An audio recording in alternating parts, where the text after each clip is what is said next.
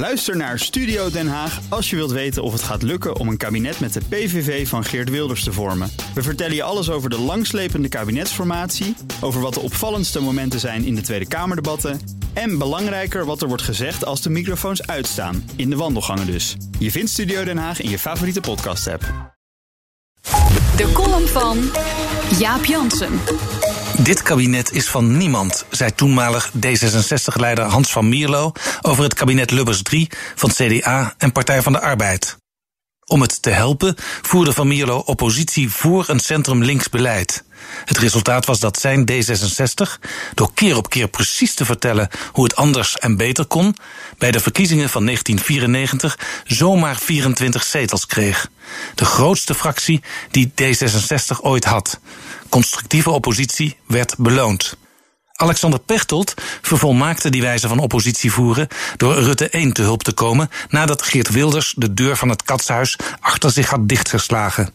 Pechtold organiseerde met GroenLinks en ChristenUnie een meerderheid, zodat het kabinet toch een begroting door de Kamer kon loodsen.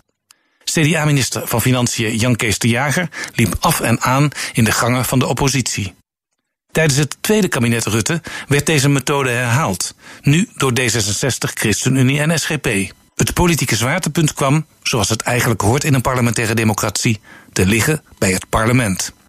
Sinds Rutte 3 geen zicht meer heeft op een meerderheid in de Eerste Kamer en de vier coalitiepartners vooral bezig zijn met het benadrukken van hun eigen opvattingen, dreigt ook deze ploeg van niemand meer te zijn. Niettemin zijn er voor het kabinet hoopgevende signalen. Vorige week stemden 150 Tweede Kamerleden voor een wet die bijna dreigde te sneuvelen. Een wet van CDA-minister van Volksgezondheid Hugo de Jonge. Het doel is mensen die zorg krijgen van de gemeente daaraan maximaal 19 euro per maand te laten bijdragen, in plaats van vaak wel meer dan 100 euro.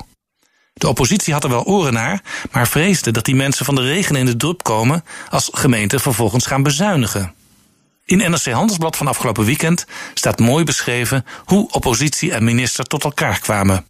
GroenLinks-Kamerlid Corine Ellemeet zocht contact met SP en Partij van de Arbeid en met SGP 50PLUS, Denk en Thierry Baudet, met wie ze in dezelfde studentenvereniging had gezeten. Uiteindelijk kwam de hele oppositie op één lijn over een kritische motie. De minister, nerveus geworden, schoof in het ledenrestaurant van de Kamer aan bij Ellemeet en SGP'er Kees van der Staaij. Kon de oppositiemotie niet zo geformuleerd worden dat ook hij ermee verder kon? Zo begon een onderhandelingsspel waarin de politieke assistent van de minister meeschreef aan alternatieve teksten. De verlossende formulering kwam uit de Kamer. Niet van de oppositie, maar van de regeringspartijen, die ook hun rol opeisten. Zo gingen uiteindelijk 150 handen omhoog voor de motie en voor de wet. Er zijn mensen die dit bestempelen als lelijke achterkamertjespolitiek.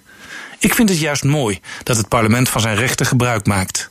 In Amerika hebben ze nog steeds geen fatsoenlijk zorgstelsel, omdat republikeinen en democraten elkaar dwars zitten. In het Britse lagerhuis kunnen ze maar geen uitweg vinden uit het Brexit-drama. Bij ons in Nederland blijkt zelfs het Forum voor Democratie bereid heel even toe te treden tot dat verfoeide partijkartel als dit leidt tot beter beleid. Lang leven de parlementaire democratie.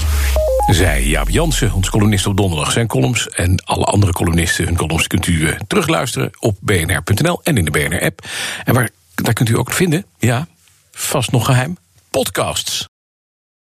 Ook Bas van Werven vind je in de BNR-app. Ja, je kunt live naar mij en Iwan luisteren tijdens de ochtendspits. Je krijgt een melding van Breaking News. En niet alleen onze podcast Ochtendnieuws, maar alle BNR-podcasts vind je in de app. Download nu de gratis BNR-app en blijf scherp.